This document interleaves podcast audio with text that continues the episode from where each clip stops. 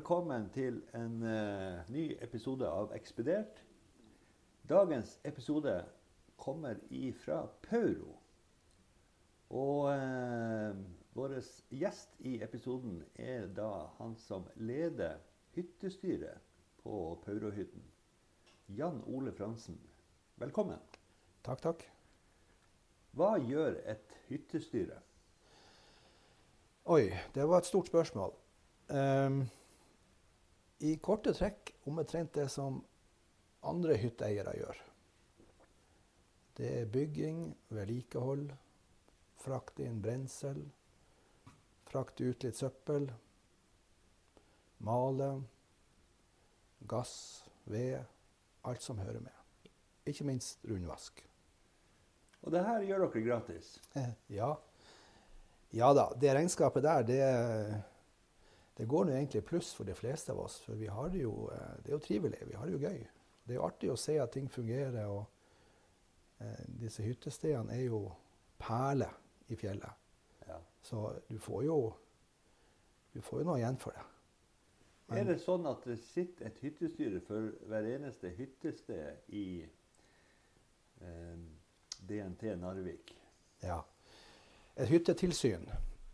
Um, som gjerne er ei gruppe på to, tre, fire, kanskje opp igjen seks, sju, alt etter behovet. Mm. Noen av hyttene har veldig stor trafikk og veldig mye arbeid som må gjøres. Og det er gjerne større hyttetilsyn.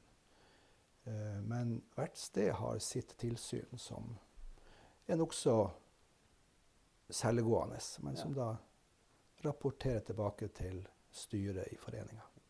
Ja, Foreninga skifta jo nettopp eh, navn. Når eh, vi vandra i fjellet før, så heter det jo Narvik og omegn turistforening. Stifta i 1902. Ja. Hva er, heter det nå? Nå heter det DNT Narvik. Ok. Og tanken bak det var Eller tanken bak endringa var det at i gamle dager, da var jo Narvik bare et lite geografisk sted. Ja. Eh, slik at Narvik og omegn turistforening det var jo egentlig mest omegn. Det var jo ingen hytte eller ingen aktivitet omtrent i selve Narvik kommune. Sånn at, eh, ja, Annet enn at de bygde Fjellveien? Ja, i den tida. Det er jo lenge siden. Ja. Men eh, hvis vi snakker om sånn etter 70-tallet, så, så eh, eh, da var det jo omegn som var der det foregikk. Aktiviteter ja. hyttebygging og brubygging. Og. Men nå er det bare ei hytte som er utafor Narvik kommune. Og det er Røysvatn, som ligger i Hamarøy. Ja, etter den nye kommunedelinga så ble jo eh, Tysfjord delt. Og dermed så kom Paurohytta inn i Narvik kommune. Og så ramla Røysvatnet ut av Tysfjord kommune, og dermed også ut av Narvik kommune, og havna i Hamarøy. Ja.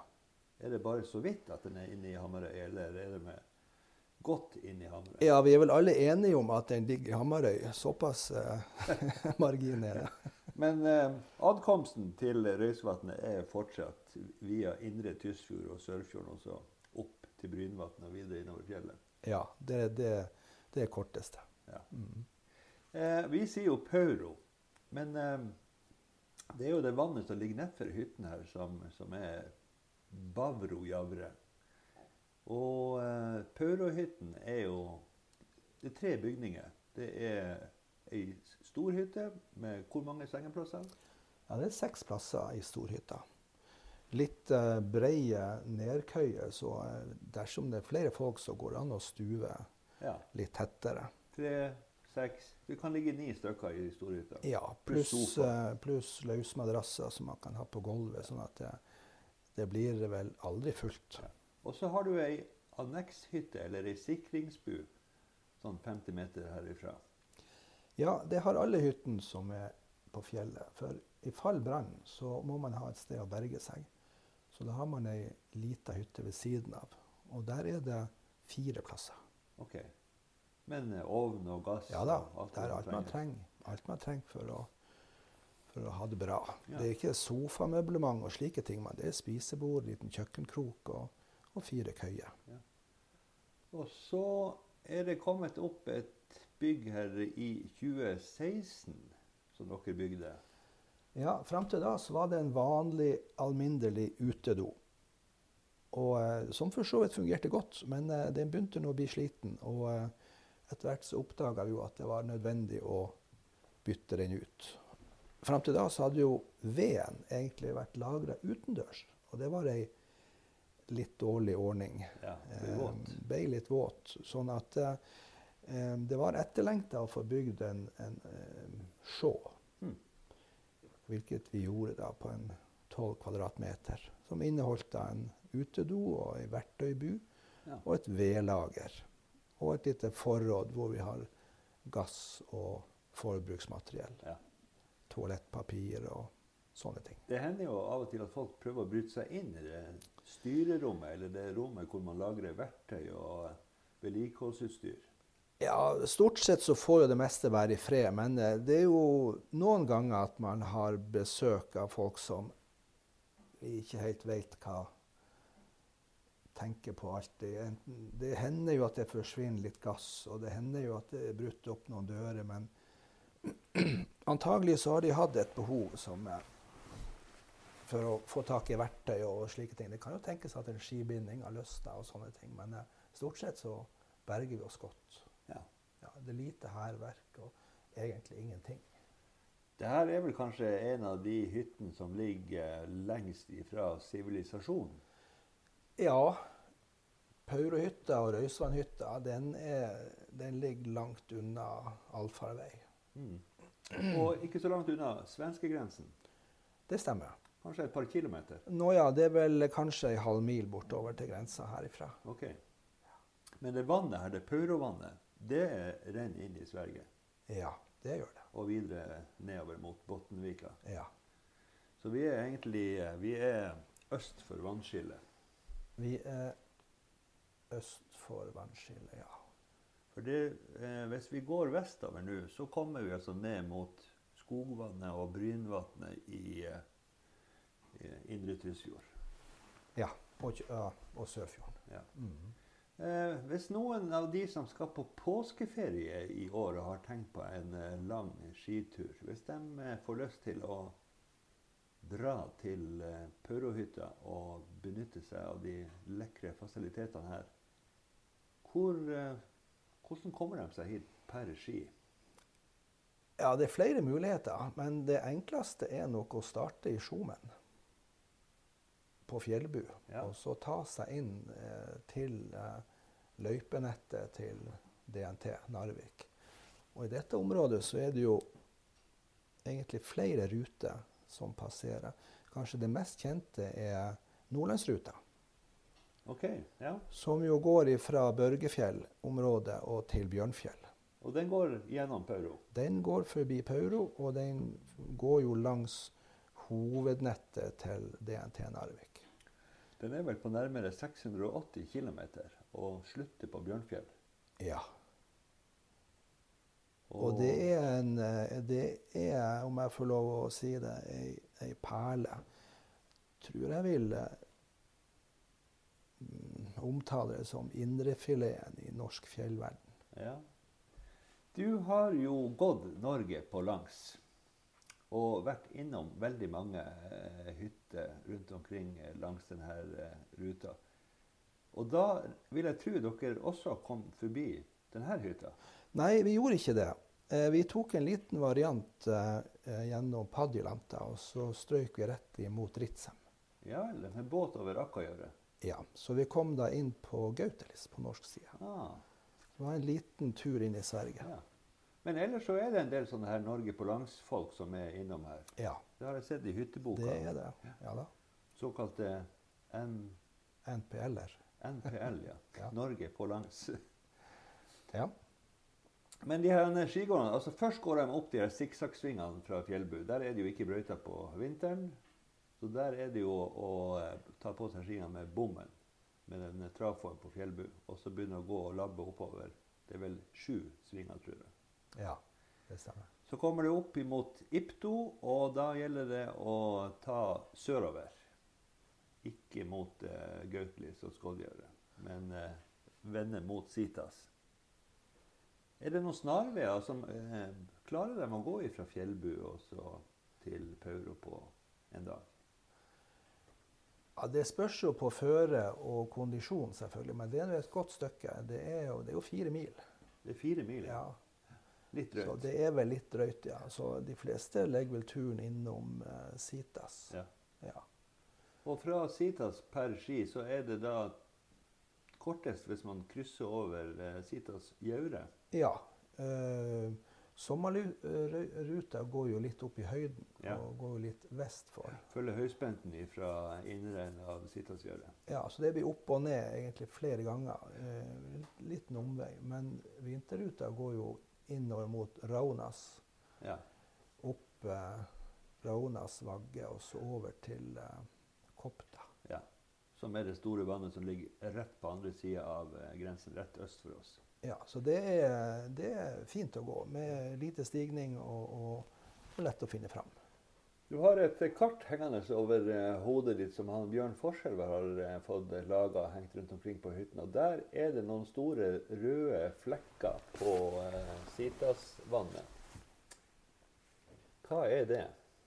Sitas er jo regulert.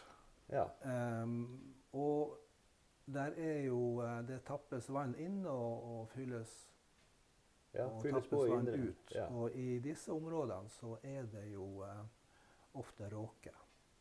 I tillegg til at det er noe Åpent vann, altså? Ja. ja. Ikke noe særlig for, uh, for de som kommer labbende på ski. Nei, det kan være farlig. Um, I tillegg så er det plasser hvor det er naturlig åpne um, råker. Uh, det er vel strømminger i vannet som gjør det. Uh, annet Mellom det Ja. Eh, Ja, der er det faktisk flere som har eh, vært nære ved å gå ordentlig gjennom. Eh, men det er jo generelt alle elveoser, Mm. utløp og Jeg ser der inne med, med Sitashytten, der er det jo sammenhengende eh, rødt. og Det vil si at vi anbefaler ikke skiløpere å krysse over eh, vannet der hvor inne med Sitashytta. Det kan være skummelt, men det er klart man må jo se det an. Er det en god, kald vinter med, eh, og det ser fint ut, så, så er det jo ikke sånn at eh, man nødvendigvis skal fraråde det sterkt. Er man i tvil, så kan man jo ha et tau imellom seg hvis man Ja. går flere. Stort sett så går det vel bra, men man skal være litt obs på det og se etter fargenyanser i Ja. Hvor langt vil du anslå at det er fra Fjellbu og til Sitas? 18 km? Jeg har ikke målt, men eh, ja. Cirka. Ja. Så det er en sånn høvelig dagsmarsj. Det er en bra dagsmarsj. ja. Og så neste dag fra Sitas bortover langs eh, Sitasvatnet på isen, og så Ja. opp Raunasdalen. Ja. Og så de, For å slippe høydedraget Så eh, kan du- ved grensa, så ja. går jeg ned på Kopta og så går en liten omvei. Riktig. Den omveien den tror jeg sparer seg inn ved å slippe å gå så høyt. Ja. Lett å eh, det, man skal jo være, det er jo ikke noe telefondekning i området. Det er faktisk telefondekning i Raunasbukta. Det er det, Ja, ja. der er det et ganske stort område. Med Så skulle man havne i nød eller skulle få behov for å springe etter hjelp, så er det å komme seg dit. Ja. Der kan man ringe Ja. ut. Ja. Så fremt man har strøm på mobilen sin. Mhm. Ja. ja, men da har vi jo gjort det klart for påsketuristene at det er faktisk fullt mulig å komme seg hit på et par dager. ja. Så tar det selvfølgelig to dager ut igjen. Ja altså, du må i hvert fall ha tatt deg fri fire dager. I, eh, I DNT Narvik så deler vi hytten inn i Nordhytten og Sørhytten. Ja. Og eh, Nordhytten det, det, er litt mindre utfordrende å gå til. De eh, ligger litt nærmere hverandre, og det er ikke riktig så langt å gå. Så er man ikke så veldig vant til å gå i fjellet, så bør man kanskje holde seg i nordområdet. Ja, er det noen hytter du vil anbefale som en sånn oppstart? Ja, eh, Hunndalshytta, eh, Tjunøyavrehytta, eh, Chinavagge. Ja. ja. Kanskje og Lossi, ja. Absolutt. Ja. Ja. da. Du kan jo, eh, det er jo også utgangspunkt fra Fjellbu. Ja. Eh, og det er vel en 12-13 km fra Fjellbu oppover dalen til du kommer opp mot eh, Lossi. Så det er eh, ei lita stigning der på slutten når du skal opp til hytten. Alle hyttene ideen til Narvik har i grunn utgangspunktet fra Fjellbu, som ligger øverst oppe i Sjomdalen. Ja, bortsett fra Bortsett fra Hunndal. Hunndalshytta. Ja. Da må du med tog til Katterat. Ja. Og så har du selvfølgelig vokterboligen oppe i Norddal. ja det må vi ikke glemme. Og funnhytta. Ja. Da går du Tøtterdalen. Og Steinbua ja da, absolutt. Det er jo på Grenjordfjellet. det man kaller dagsturhytte. Ja. Det er nok ikke så vanlig å overnatte der, så det er nok bare Men det lar seg gjøre Ja å overnatte der. Ja da. Men det er ikke, de er ikke bygd for det. Nei. Eh, Så har vi jo litt sånne eksotiske plasser som Brehytta. Ja, eh, i forbindelse med kraftutbygginga så begynte det vel kanskje allerede på 60-tallet å gjøre målinger fra Storsteinsbre-området. For å finne ut hvor mye vann det var i Ja, området. det lå jo hydrologer der inne fra NGU, vil jeg tro. I eh, flere sesonger. Og eh, den hytta, den, eh, eller når de var ferdig med sitt arbeid, så fikk uh, Turistforeninga overta den. Ja. Og den ligger jo nokså nært ei bretunge fra Storsteinsbreen. Ja. Eh, Nå er det jo selvfølgelig sånn at eh, de bretungene de, Det blir lengre og lengre å gå til dem, fordi at de trekker seg jo mer og mer tilbake igjen. Men fortsatt så er det et åpent, eller typisk brelandskap. Ja. For de som vil prøve å gå på bre og eh, oppleve hvordan et brelandskap ser ut, så kan vi jo da anbefale Brehytta. Ja, det er et utmerket utgangspunkt. Ja. Eh, kanskje mest opplevelsesrikt på sommeren, når, eh, når breen er liksom eh, masse is på ett sted, også, som det renner og smelter fra hele tida. Og så har du de voldsomme grusdungene på Ja. Nedenfor moreneryggene. Det er jo artig å gå på blodisen. Da får du jo en ordentlig følelse av å gå på is. Ja. Mm. Ja, tilbake til, eh, til hyttestyret sitt eh, arbeid. Hvor mange ganger må dere inn til Pørohytten Paurohytten og ha tilsyn i løpet av et år? Minimum én gang i året, men vi er nok både to og tre. Um, på høstparten så har det vært tradisjon å ha dugnad, altså hoveddugnad. Da vasker vi rundt, og da eh, gjør vi eh, vedlikeholdsarbeid. Og gjerne noen utbyggingsprosjekt. Og mm, fordeler litt sånn år for år. Skifte på sengen? Ja. Um, og på vinteren så har vi gjerne også en tur inn på denne tida av året, før hovedsesongen starter, og ser at alt er i orden. At uh, vinduene er på plass, og dørene er mulig å få opp, og at det er forsvarlig og tilrådelig å ta inn her. Ja. Da måker vi litt og sjekker at det er ved og gass, og går gjerne gjennom og kontrollerer at alt er som det skal være. Ja, vi er jo i et eh, område som er helt uten kraftutbygging. Eh, og det er ikke så veldig mange sånne områder igjen. De fleste andre hyttene ligger attmed med vann som er regulert til kraftutbygging. Men her er det altså rett og slett ei lomme av uberørt eh, natur. Men likevel, dere har fått lagt inn strøm i eh, hytta. Ja, Eller den, kanskje i begge hyttene. den strømmen den lager vi nå sjøl. Eller sola hjelper oss. Aha, ja.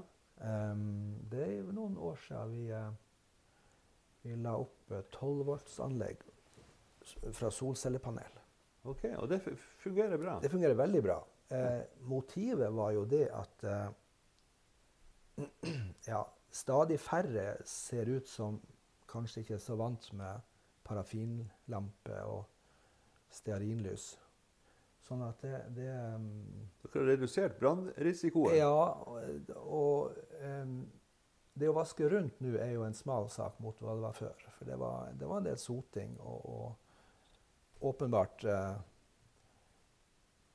fyring med parafinlampe som, som, som gikk litt over styr, kanskje. Em, så vi bestemte oss for å, å legge inn eh, strøm, og det har fungert veldig fint. Ja. eh, solcellepanel ute på veggen, og Ja, det blåste ned første året. Um, her er værhardt. Det er veldig værhardt. Men det, det morsomme var det at det var bare å plukke det opp igjen og skru det på veggen, så fungerte det like godt igjen. Fantastisk. Så, um, men det er jo bare til belysning, da. Det samme får man vel kanskje si gjelder ikke den eh, Når vi ser sørover her, så er det jo et stort pyramidelignende eh, fjell som heter Noaidefjellet.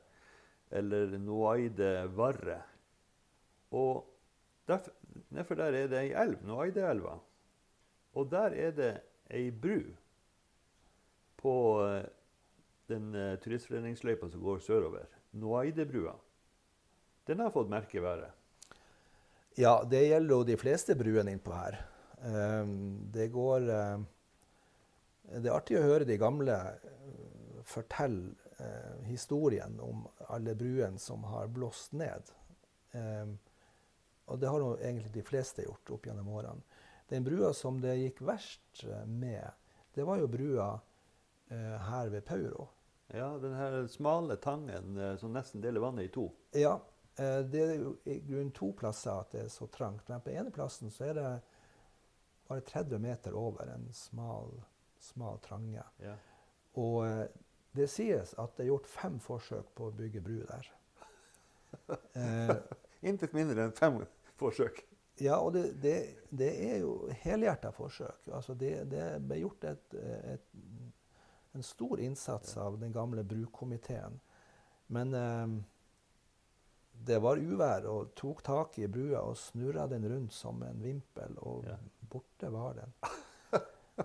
um, sånn at uh, i ja, over 20 år så lå det jo uh, uh, to båter der. små joller. Ja. En båt på hver side. Og da var det jo en, en, en, liten sånn Ja, ikke IQ-test, men det var iallfall en test på om man helt skjønte hvordan Hvorfor det lå to båter Hvorfor det lå to båter. Fordi poenget var det at når du hadde passert der, så skulle det fortsatt være én båt på hver side. Ja. Så det var litt sånn roing fram og tilbake med, med båtene. Det her var det ikke alle som skjønte. Nei, iallfall så eh, var det lett å tolke det dit hen. Men det skal sies det at eh, jeg kan forstå de som rodde over, og det var vind og kuling, og at de ikke torde å ro tilbake igjen. At de var glad de berga seg, Ja. og da lot båten ligge på ei side. Sånn Og da ble- var døra stengt for nestemann som kom. ja, eh, det var jo 50% sannsynlig at det ble trøbbel. fordi at de som kom fra den sida hvor det lå to båter, de hadde jo eh, En gavepakke. en smal sak. De kunne bare velge. Ja.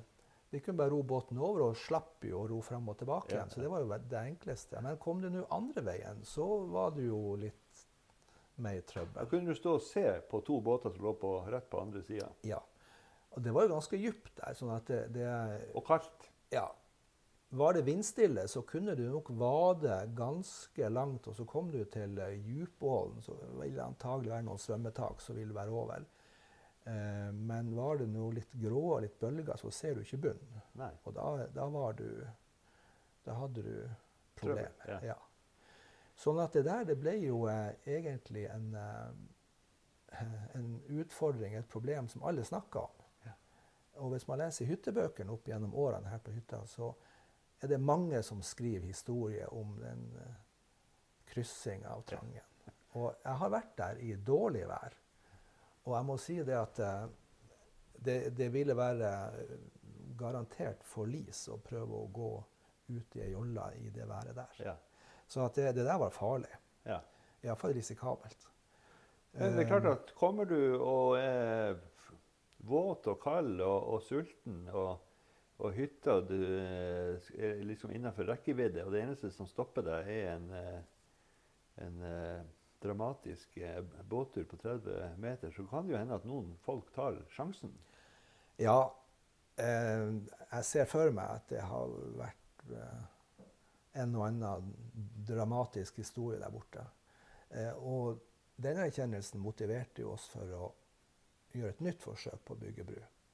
Ja, for eh, jeg ser jo at det står noen konstruksjoner der nede og fortell. Ja, de så, av oss som har gått eh, på svensk side nedover, de har jo lagt merke til disse hengebruene som i stål. Galvanisert stål. Solide greier. Ja. Um, og med litt etterforskning så fant vi ut at disse ble jo produsert i Pajala. Ja vel. Og vi tok kontakt. Med Pajala svetsteknikk. Og så reiste vi ned en liten delegasjon og kom i prat med dem og bestemte oss for å prøve ut Pajala-brua. um, det eneste nye med den var jo prisen. Ja. Den var jo selvfølgelig noe helt annet enn det vi er vant med. Um, disse sjølbygde hyttene, uh, Bruen, unnskyld, bruen, uh, der man gikk på bærevaierne. Ja. Og så var det sånn gelender på hver side. Ja. Uh, det er bruer som har fungert uh, veldig bra i veldig mange år, ma mange plasser, men ikke på Pauro. Nei. Um, så det var jo et større prosjekt um, med fagfolk fra fabrikken som var med og liksom leda bygginga. Så Ja. hjalp jo vi til, da. Og dere tok bare var- mål over å liksom Ja, vi, vi tok mål. Målte opp og, og tok noen høyder, og sånn at det var klart til å, å eh, feste brua på hver side. Men ei stålbru er jo skrekkelig tung. Hvordan fikk dere den inn? Den er ikke så voldsomt tung. Du kommer, altså, det Tre-fire tonn veier den vel ikke. Det er jo Brutårnene veier jo en del, selvfølgelig. Og så har du jo eh, eh, gangveien som veier litt, men jeg tror veier fire tonn. Så der, det var noen helikopterturer inn, så var den på plass. Ja, det kom vel med, kanskje med lastebil eller tog? Ja da, hele den historien altså det, det, Den er jo laga i, i, eh, i Pajala, og så er den galvanisert i Jokkmokk. Tar ikke mye feil. Og så kjørt derifra med lastebil til Tjorda på Sjomfjellet. Okay, Og så fly derifra. Ja. Og det var ei lita ukes arbeid, så var den på plass. Når skjedde det her? 2018. 2018, ja. Ja, Da er den snart fem år til neste år. ja da. Og og den står vi, fortsatt. vi, ja, vi skal ikke si så mye om det enda, for når vi er ferdig her og har drukket kaffen, så skal vi bort og se at alt er i orden. Right. Da vet vi om den har tålt denne vinteren så Ja. langt. Men det tror jeg. Ja. Um, men Hvis man tenker på prisen på et menneskeliv, ja, så tror jeg det var vel verdt eh, investeringa. ja da. Nei, vi er veldig fornøyd. Og, og eh, den tar seg fint ut. Den, eh, det er helt vanlig hengebru. Den ligner jo på Skjomenbrua og Rombaksbrua, bare litt mindre. Kanskje Norges eneste Pajala-bru. Usikkert. Kan tenkes. Ja. ja. Og den ligger altså på Nordlandsruta, den ligger på Nordkalottleden, og den ligger på eh, i Narvik. Ja. Vi kan vel også Det går jo en led fra Ja, hun, hvor starter den? I Roma? Ja. Og tråkle seg nordover, ja. A1 eller E1. ja. Og den går jo helt til eh, Ja, nå er jeg litt uh, usikker, men Nordkapp. enten Nordkapp eller Kirkenes. Ja. Så det er jo egentlig tre ruter som går forbi her. Over Pajala-brua på Pauro. Tre vanningsruter. Men du nevnte jo eh, Noaidebrua. Det er jo den nyeste brua. Det er jo bare tre kilometer lenger sør. Ja, fortell. for Paurobrua. Og det er jo ei bru som har klart seg mye bedre. Den har jo ikke blåst ordentlig ned før. Skjønt vi har nå vært og stramma den opp ved noen anledninger.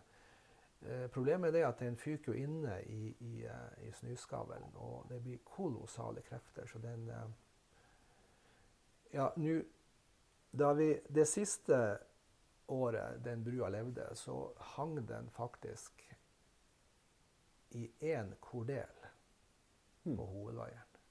Det var altså like før den datt ned.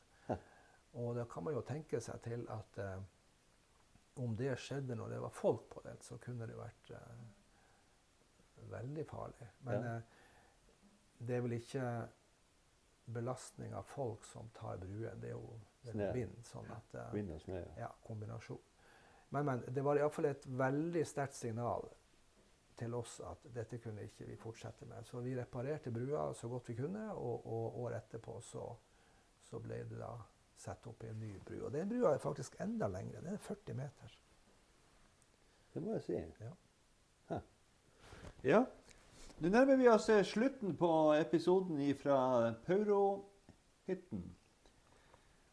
Og da sier vi takk til han Jan Ole, og vi sier også takk til alle hyttestyrene på de andre hyttene som ordner til og sørger for at eh, ja, det blir åpent for folk flest.